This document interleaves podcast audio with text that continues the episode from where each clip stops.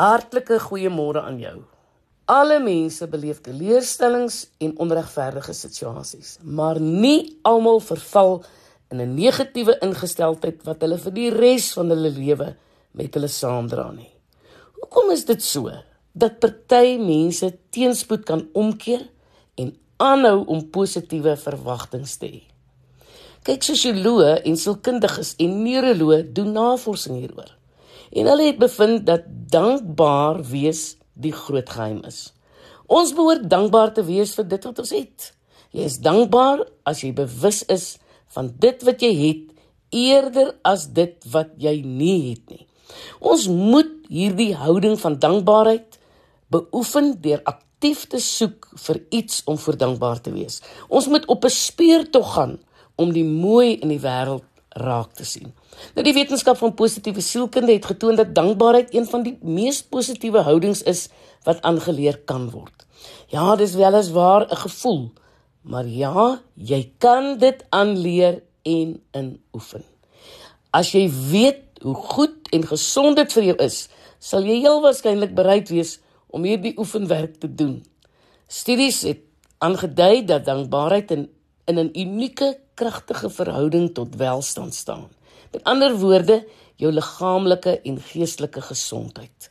'n Mens kan met verloop van tyd die brein se programmering verander deur dankbaarheid te beoefen. Jy fokus outomaties op dit wat goed gaan in jou lewe en dit moedig jou aan om nog meer goeie dinge in jou lewe raak te sien en te verwag. Dit is dus 'n goeie kringloop. En hoe meer jy dankbaarheid vir alles in jou lewe beoefen, hoe meer dinge sal jy vind om voor dankbaar te wees. Met oefening kan jy dankbaarheid ontwikkel, soos enige kuns byvoorbeeld soos kos maak, uh die speel van 'n musiekinstrument of tennis en so meer. Die verskil is net jy het verseker 'n ingebore talent om dankbaar te wees. Dis binne in jou. Nie almal het eweveel ingebore talent vir kos maak of viool speel of balle raakslaan nie, maar ons is almal geskape om dankbaar te wees. En hoe meer jy oefen, hoe makliker raak dit om dankbaar te wees. En hoe dankbaarder jy is, hoe meer sien jy dinge om voor dankie te sê. Nou dis menslik om die negatiewe te sien, maar jy kan jou houding verander, hoor? Mense sal altyd iets vind om oor te kla. Mense kla oor die instandhouding van hulle swembad en tuin. Hulle kla oor die nimmer eindigende eise van hulle kinders en lewensmaats. Jong, hulle kla oor korrupsie en die agteruitgang in die land. Ai, jy weet hoe lank ons elkeen se lysie met klagtes kan wees. Hoewel hierdie dinge inderdaad frustrerend is, moet jy nie toelaat dat die negatiewe jou lewe en jou gedagtes domineer nie. Verander jou fokus. Ja, dit is 'n klise. Maar dis 'n klise omdat dit waar is. Wees byvoorbeeld dankbaar dat jy 'n huis met 'n swembad en of 'n tuin het. Daar is mense sonder enige heenkome wat droom van 'n blyplek met elektrisiteit aansluiting, selfs al is daar beurtkrag.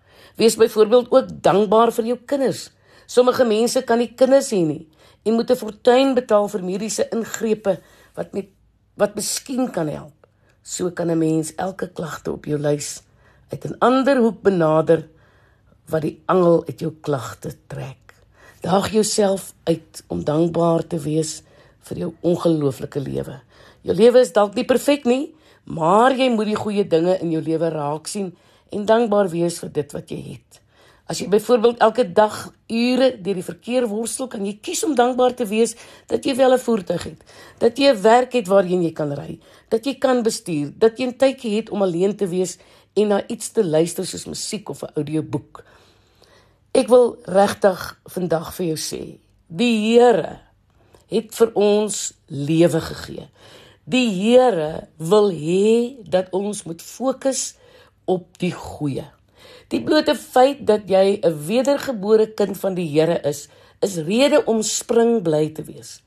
Die rede dat die Here wat in jou is groter is as hy wat in die wêreld is, is rede om te juig.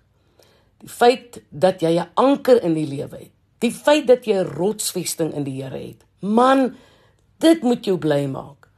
Kom ons begin fokus op die goeie en ons hou op kla.